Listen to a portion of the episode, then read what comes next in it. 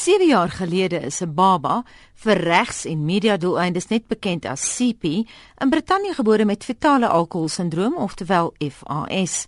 Haar ma het tydens haar swangerskap daagliks sowat 'n halwe bottel vodka en 8 blikkies bier gedrink. Die effek op die baba was van meet af aan duidelik te sien. Dus was die bewyslas dat die baba wat nou al 7 jaar oud is aan FAS ly nie groot nie.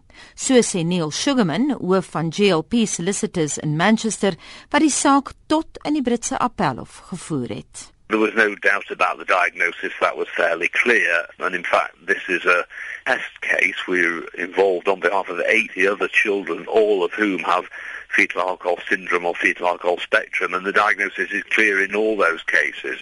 It was rather more about the legal arguments and the legal issues around whether or not this could be a crime for the purposes of our state criminal injuries compensation scheme. En dis die einste legal issues wat van die saak 'n toetsaak maak. We're not surprised the issues were very finely balanced and there were complex issues relating to the interpretation of criminal law in this country.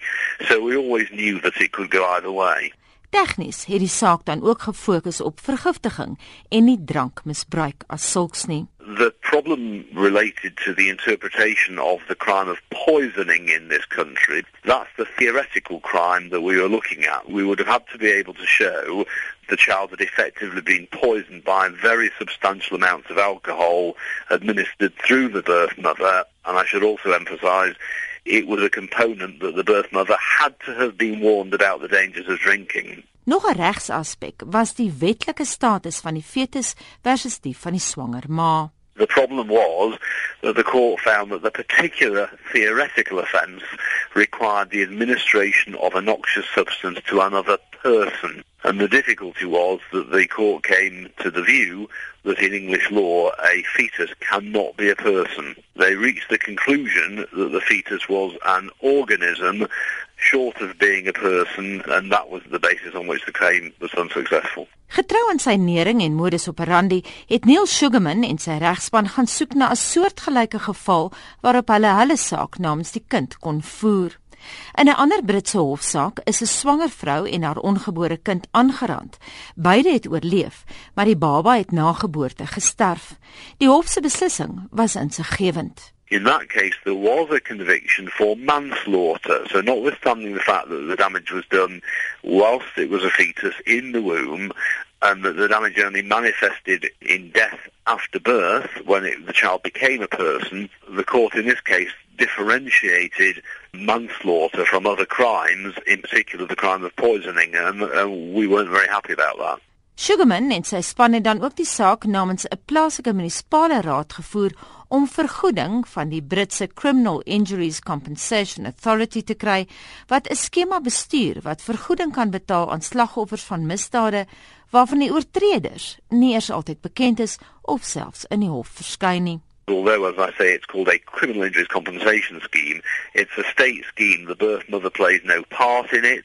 The birth mother is not involved directly in an application. There's no evidence taken, and you don't have to prove uh, have a, a, crime actually having been convicted and somebody being found guilty. It's a theoretical exercise, but notwithstanding that, a lot of the drama, if you like, has been around the criminalisation of women. Neil Sugarman self het die saak wat nou al 5 jaar lank voor verskeie howe dien as problematies beskryf.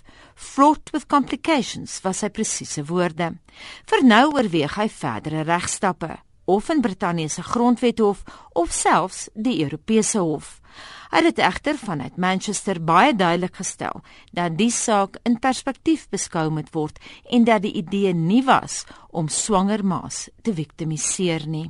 What's extremely important is we're not talking about the odd tipple with dinner at the weekend here. The claims relate to women who are drinking substantial and excessive amounts of alcohol and continue to do so, having been warned that this will damage their baby. Dit was Neil Sugarman van die regsfirma GLP Solicitors in Manchester aan die tyd met hulle gepraat. En ons bly by die storie die Britse appelhof het nou wel bevind dat 'n ma nie strafregtelik aangekla kan word vir die feit dat haar kind aan fetale alkoholsindroom ly nie, weens die feit dat die baba as fetus nie dieselfde regstatus as die ma geniet nie en ook weens die feit dat alkoholvergiftiging nie in dieselfde lig as doelbewuste vergiftiging beskou kan word nie. Maar wat sê die Suid-Afrikaanse reg?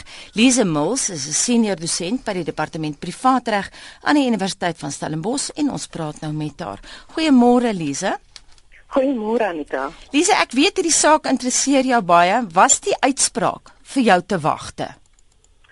Ja, Anita, ek weet nie ja en nee. Soos meneer Schumann gesê het, die saak die, die uitspraak kon enige kant gegaan het. Ons ehm um, het verwag dat die eh uh, die hof die kon eintlik verwag dat die hof dit die fetus wel as 'n persoon kon sien. Ek was nie seker oor die geweldsmisdaad wat hulle waarop hulle ges, ehm um, gesteun het nie. Ek moes eers wag om die uitspraak te sien.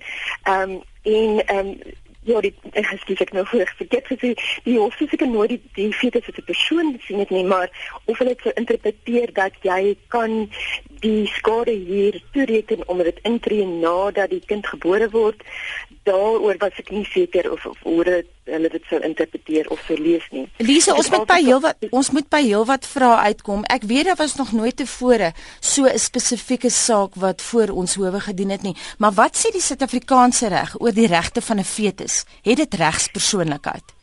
Die eenvoudige antwoord nee, is dis nee. Weet dit word eers as 'n kind beskou of as 'n persoon beskou by geboorte wanneer die kind lewendig gebore word. Maar weet jy in Suid-Afrikaanse reg het ons 'n Latynse vertelreël wat sê dat die kind dis 'n asketirisfiksie dat die kind wel as 'n persoon persoon beskou kan word indien dit tot sy voordeel ehm um, sou strek om hom reeds by 'n uh, um, konsepsie as geboorte uh, ge, um, en verwek ehm um, ter ag gewees het. Ehm um, maar dit is 'n moeilike een om te pas want gebruik ek gewoonlik eintlik in in die erfreg en nie in hierdie op sit of in hierdie ehm um, konteks nie.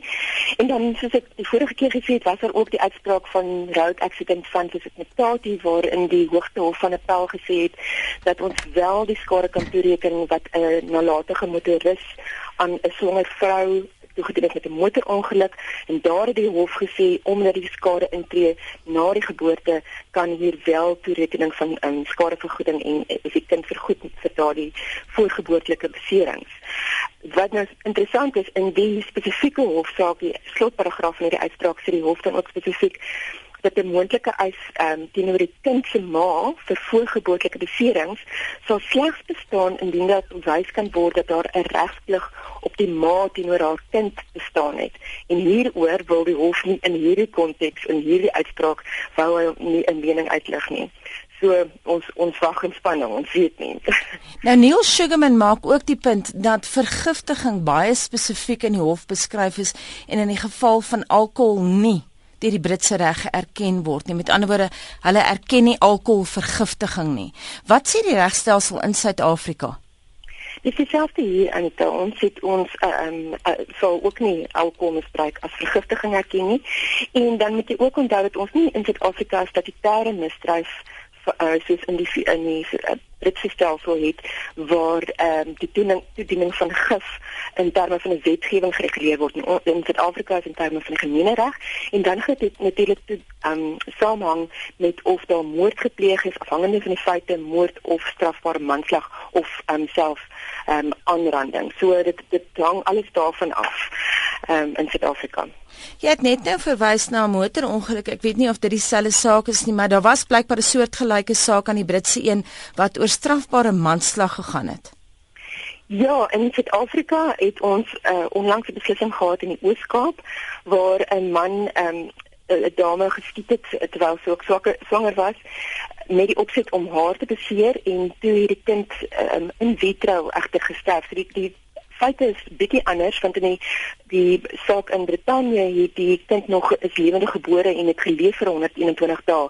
In Suid-Afrika is die kind egter stil gebore, met ander woorde die kind het nooit geleef na geboorte nie.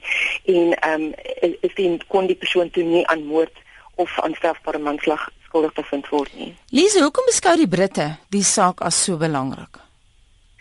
Wel Anita, ek dink dit het verrykende gevolge, soos meneer Sugarman ook gesê het en omdat mense die die gevolge hiervan seker ehm um, as verrykend ook kan beskou omdat die eh uh, moeders nou bekommerd is oor wat hulle kan uh, waarvan hulle skuldig bevind kan word.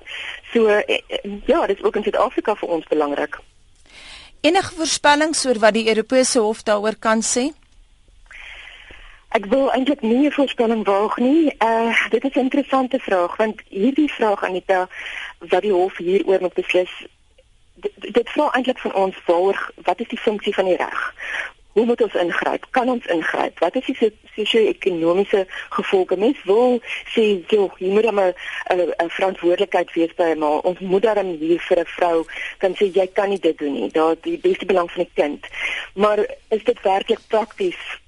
Uitvoerbaar. En so ek weet nie wat die Europese Hof gaan sê nie. Dit dit sou my interessant wees om 'n tipe saak hier in Suid-Afrika te kry soos ek laas gesê het, die regs persone het nog nie genoeg hieroor gedebatteer en ons het nog nie hieroor genoeg navorsing gedoen nie. So Lise, ons wag moet wag en kyk. Ek moet jou kort knip want ons gaan nou verder hieroor praat Goed. steeds by die storie maar 'n ander aspek daarvan. Agence France Presse haal die ma van baba CP aan dat sy sou sê ma's moenie gekriminaliseer word nie, maar gehelp word. En een voorstel waarmee sy dit eens is is die rehabilitasie onder voogtyskap. Nou een vrou wat baie weet oor fetale alkoholsindroom is die hoof van die stigting vir alkoholverwante navorsing, Liana Olivier, en ons praat nou met haar oor die hantering van FAS. Maar voordat ons daarby uitkom, ek weet Suid-Afrika het die hoogste fetale alkoholsindroom ter wêreld. Wat is die statistiek, Liana? Goeiemôre. Goeiemôre Anita. Ja, ongelukkig het ons die hoogste voorkomsyfer van fetale alkoholsindroom in die wêreld. Um, ek wil net byvoeg dat daar verskeie gemeenskaps ehm um, uh, voorkomstudies in Suid-Afrika al gedoen is maar ongelukkig nog net in vier provinsies, die Weskaap, Noord-Kaap, Gauteng en dan is ons nou tans besig met 'n studie in die Oos-Kaap. En die syfers daar is ons ontstellend hoog. In Noord in Noord-Kaap het ons die hoogste syfer van 12% of 122 per 1000 van die bevolking gerapporteer en in die Weskaap gaan dit die hoogste 18% of 180 per 1000. As dit vergelyk met ander lande, soos byvoorbeeld Amerika waar dit tot 1 tot 3% besef ons hoe hoog die syfer is. Wat dink jy van die idee van rehabilitasie onder voogtyskap met wie die Britse ma dit eens is? Ek dink in 'n mate pas dit al reeds ons wat werk in die veld van fetale alkoholsindroom en sekerlik ons organisasie Stichting vir Alkoholverwante Navorsing of FAR, ons het dit reeds op uh, op kreatiewe maniere toe want dit is vir ons gedurende noodsaaklik om te kyk na opsies waar ons as vrouens kan help wat alkohol gebruik en wat nie kan ophou alkohol gebruik terwyl hulle swanger is en wat dit moeilik vind om op te hou. Ek dink mense moet ook wegbeweeg van die idee dat jy eh, 'n vrou alkoholist moet wees om eintlik 'n probleem te wees om 'n 'n potensiaal het om 'n kind met fetale alkoholsindroom in die lewe te bring. En um, ons het ook gevalle waar daar um, 'n geringe mate van alkohol gebruik was wat die kind aangetast is, maar dan het ons ook vrouens wat sê ek vind dit verskriklik moeilik om nie elke aand net een of twee drankies, een of twee glasies rooiwyn of wat ek al te drink nie. So hier moet ons kyk na ondersteuningsmeganismes en ons het net nie genoeg hulp vir swanger vrouens in Suid-Afrika nie. Daar is nie genoeg rehabilitasiesentrums nie. Daar die rehabilitasiesentrums wat daar is, is ingerig vir hierdie tipe van dienste nie en die verwysingsstelsels vanuit die publieke sektor tot by hierdie rehabilitasiesentrums staan in baie gevalle nie. So mens moet kyk na wat is die infrastruktuur in vir al die platteland en dit is wat ons ook sekerlik sien en dan wat is die vroue se infrastruktuur? En hoe kan ons hierdie voogdyskap bewerkstellig binne in haar raamwerk byvoorbeeld deur haar familie byvoorbeeld deur kerkgroepe en dis meer. En as wonderlike voorbeelde waar dit reeds in Suid-Afrika gedoen word. Ek weet ook ons in, in gedagte hou dat vrouens in Suid-Afrika baie mense in Suid-Afrika drink vir ontspanning Ek vind dit baie moeilik om te onderskei tussen drankmisbruik en ontspanning. En in werklikheid drink ek baie van hulle tot hulle onval. So dit is 'n kultuur wat bestaan in Suid-Afrika. Liana, ek sê ongelukkig moet kortklip. Baie dankie dit aan Liana Olivier van die Stichting vir Alkoholverwante Navorsing.